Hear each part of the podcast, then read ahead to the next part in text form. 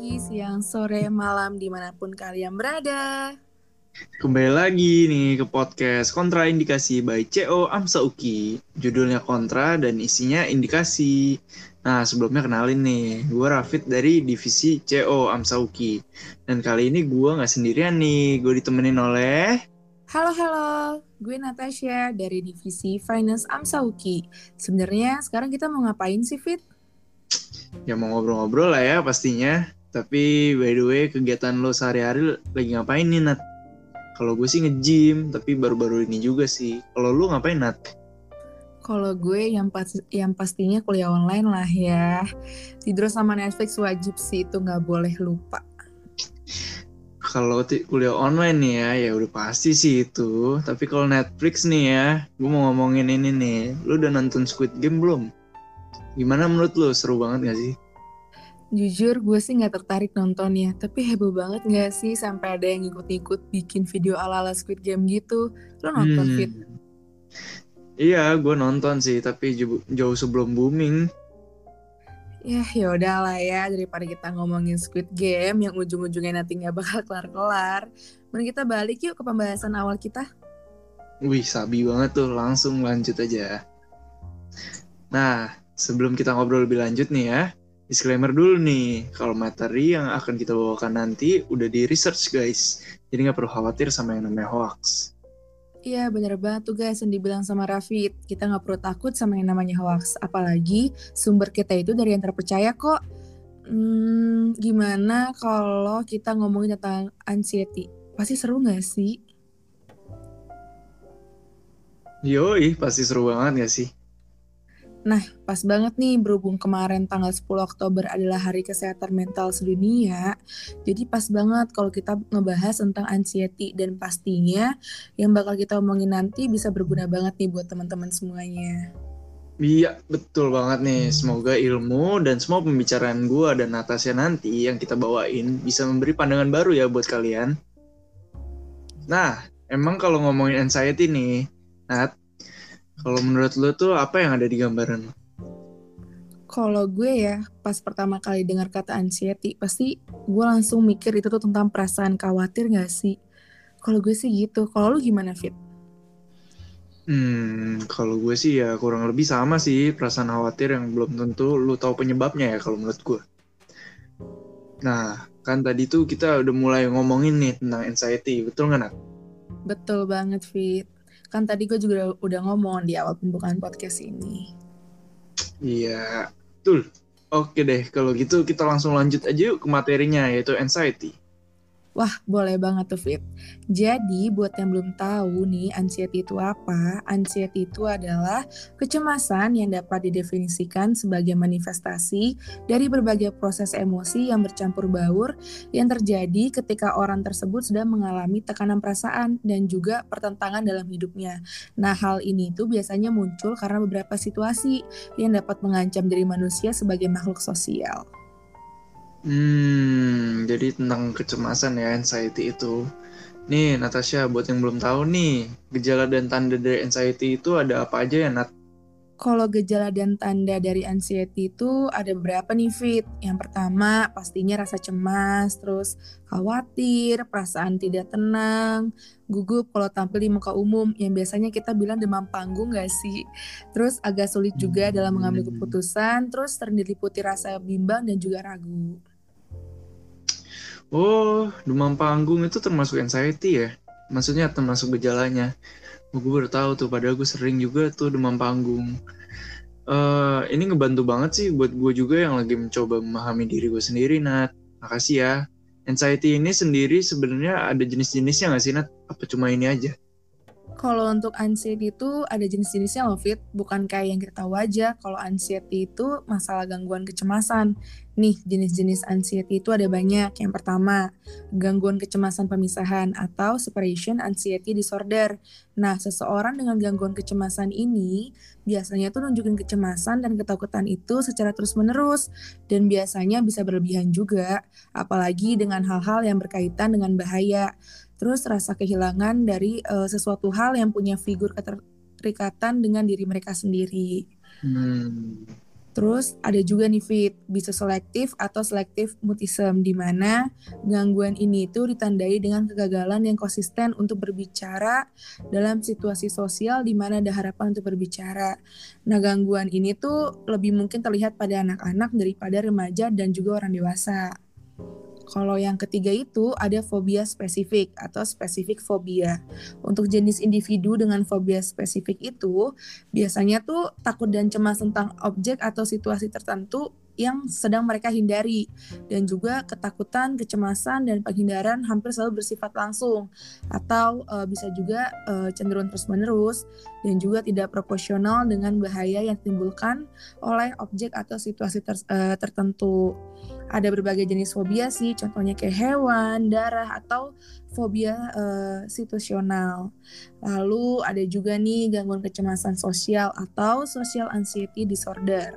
Biasanya gangguan kecemasan ini itu ditandai dengan ketakutan atau kecemasan yang nyata atau biasanya uh, yang biasa kita bilang intens terhadap situasi sosial di mana seseorang itu dapat menjadi subjek pengawasan untuk orang dengan gangguan kecemasan sosial ini, mereka tuh juga takut dipermalukan atau ditolak, dihina, dan juga uh, takut menyinggung perasaan orang lain. Terus ada juga nih gangguan panik atau panik disorder. Untuk uh, gangguan ini, uh, individu itu mengalami serangan panik yang berulang dan juga tidak terduga. Dan pada saat mengalami kekhawatiran uh, kekhawatiran itu, kekhawatirannya itu tuh uh, cenderung terus-menerus. Mereka juga mengalami perubahan perilaku terkait serangan panik yang sifatnya itu maladaptif, seperti menghindari aktivitas dan situasi untuk mencegah terjadinya serangan panik. Nah, serangan panik itu adalah sesuatu hal yang tiba-tiba dari rasa takut yang intens. Serangan panik itu dapat terjadi uh, secara tidak terduga dan tanpa uh, pemicu atau hal-hal yang dapat memancing secara jelas atau mungkin juga dengan sesuatu hal yang diharapkan sebagai respon seseorang tersebut terhadap objek atau situasi yang mereka takutin.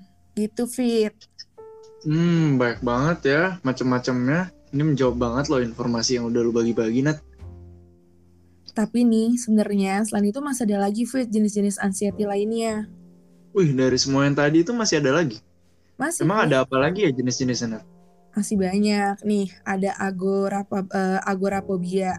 Nah, kalau untuk jenis ini biasanya individu dengan gangguan ini itu memiliki rasa takut, cemas dalam dua atau lebih keadaan. Contohnya dalam kondisi menggunakan transportasi umum, berada di ruang tertutup, dan berada dalam suatu keramaian individu ini tuh cenderung takut dan juga menghindari situasi yang sedang dialami itu karena mereka tuh uh, milik, uh, memiliki rasa khawatir bahwa bantuan itu mungkin nggak tersedia kalau terjadi uh, contohnya gejala uh, seperti panik ke diri mereka atau gejala yang dapat memalukan diri mereka sendiri. Hmm, oke okay, oke. Okay. Terus ada juga nih fit gangguan kecemasan umum atau generalized anxiety disorder. Nah, kalau gejala utama dari gangguan ini itu adalah kekhawatiran yang terus-menerus dan juga kekhawatirannya itu tuh berlebihan tentang hal yang sulit dikendalikan oleh individu tersebut. Nah, individu ini juga mungkin mengalami perasaan gelisah, terus juga eh, kesulitan berkonsentrasi, tegang dan juga pikirannya menjadi kosong dan beberapa juga ada yang mengalami gangguan tidur sih.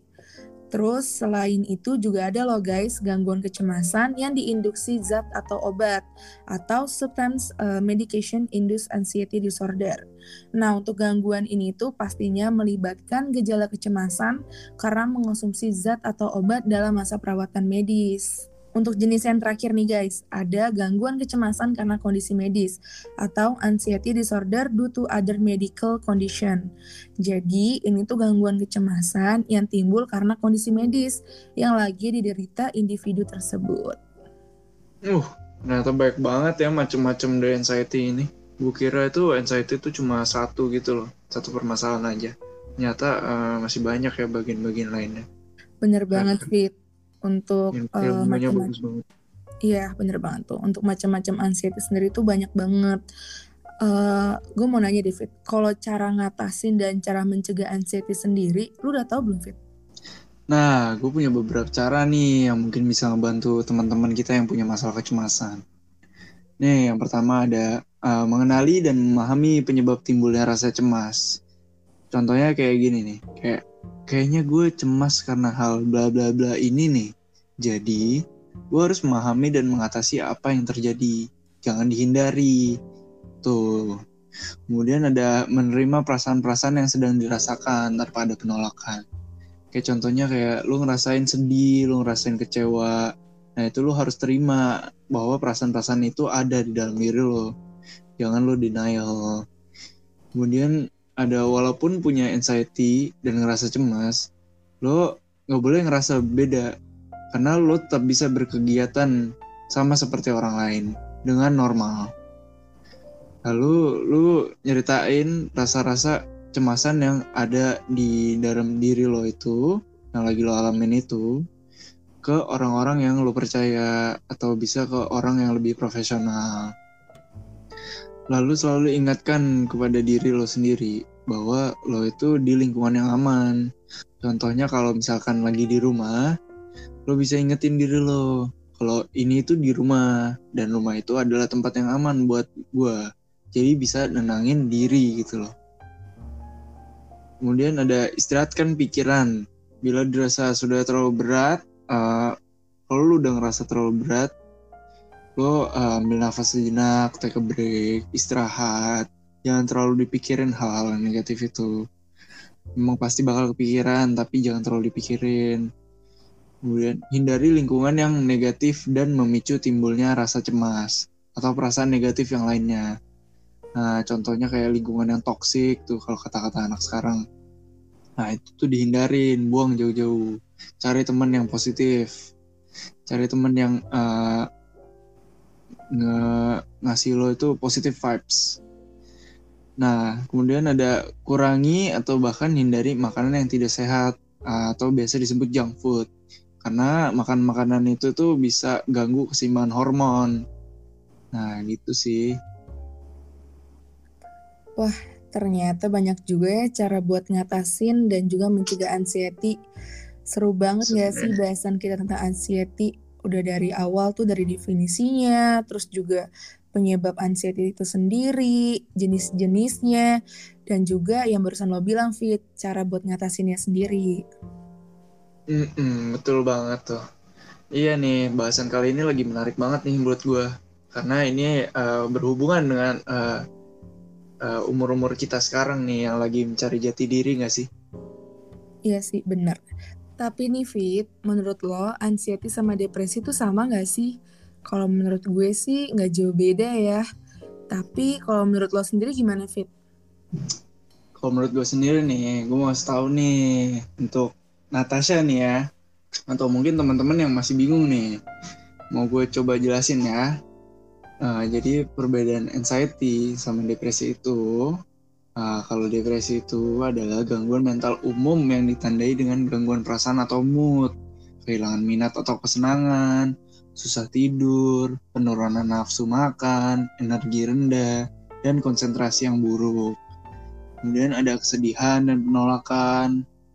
Uh, itu kesedihan dan penolakan itu adalah gejala emosional yang paling menonjol dalam gangguan depresi. Tapi kalau gangguan cemas atau anxiety itu adalah masalah psikologis yang sering dialami pada usia remaja dan merupakan suatu respon fisiologis otak terhadap satu ancaman yang berusaha dihindari oleh setiap orang. Biasanya hal ini terjadi dalam menghadapi sesuatu yang baru atau belum pernah dicoba sama sekali dan saat dalam pencarian identitas diri. Gitu oh, bedanya Nara. ternyata beda ya Fit.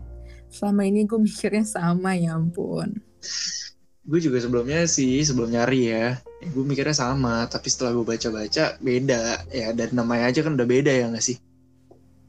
Oh iya Fit. Gue mau nanya dong. Boleh boleh. Mau nanya apa Natasha? Mau nanya gue single apa enggak? Di pede banget sih lo. Canda ya Fit. Balik lagi ya ke pertanyaannya. Kan dari tadi nih kita udah ngebahas seputar anxiety Lo ada nggak sih kesan dan pesan di podcast kita untuk hari ini? Hmm, kalau dari gue sendiri nih ya, gue ada kesan dan pesan. Apa pun hal yang lo laluin, apa pun yang lo alamin dan juga lo sedang ngerasain sekarang, jangan pernah buat menyerah dan tetap memotivasi diri lo untuk tetap berpikir positif. Kan udah dikasih tahu nih apa-apa aja yang bisa dilakuin kalau misalkan merasakan salah satu gejala dari gangguan-gangguan itu. Atau kalian juga bisa seek professional help seperti yang gue tadi udah bilang, contohnya psikiater, Uh, atau juga lu bisa minta bantuan orang terdekat kalian, contohnya sahabat uh, atau ibu atau ayah kalian. Kalau dari kalau dari lu sendiri gimana, Nat? Kalau dari gue sih, kita bisa banget tuh buat terbuka cerita tentang permasalahan yang lagi kita hadapin ke orang-orang terdekat atau juga ke orang-orang kita percaya yang udah kayak biasa uh, kita ceritain tentang permasalahan yang lagi kita hadapin. Wah wah, kok nggak berasa hmm. sih? Ternyata kita udah lama banget nih ngobrol-ngobrol seputar anxiety. Rasanya pengen ngobrol lebih lama lagi deh. Iya nih, apalagi ngobrol-ngobrol sama kamu, Natasha. Rasanya ingin selamanya. Eh, bisa-bisanya ya lo. Emang ya Rafid nih kalau ngegombal nggak tahu waktu ya. Jadi guys, jangan lupa untuk dengerin podcast ini terus ya. Dan kalau ada kritik dan saran bisa banget nih langsung kirim email ke ukiamsa.co@gmail.com. Ya, betul banget tuh. Bisa langsung kirim emailnya ya ke ukiamsa.co@gmail.com ya. Oke guys, ini bener-bener terakhir banget deh. Last janji. Lo ada quotes nggak Fit buat podcast kita kali ini? Kayak yang lagi zaman-zaman sekarang gitu. Hmm ada nih quotesnya. Malu bertanya sesat di jalan. Nggak ada yang salah. Bukan itu maksudnya. Quotesnya ini nih gue ada quotesnya. Tapi bahasa Inggris nih guys. Jadi maaf ya kalau salah-salah kata dikit ini quotesnya gue bacain ya if we start being honest about our pain or anger and our shortcomings instead of pretending they don't exist, then maybe we will leave the world a better place than we found it. Ini quotes-nya dari Russell Wilson. Wih, keren banget bang quotes-nya. Iya dong, kan gue gitu loh, keren ya gak sih? Iya David, iya. Oke guys, sekian untuk podcast kita hari ini ya. See you di podcast selanjutnya. Bye guys, see you.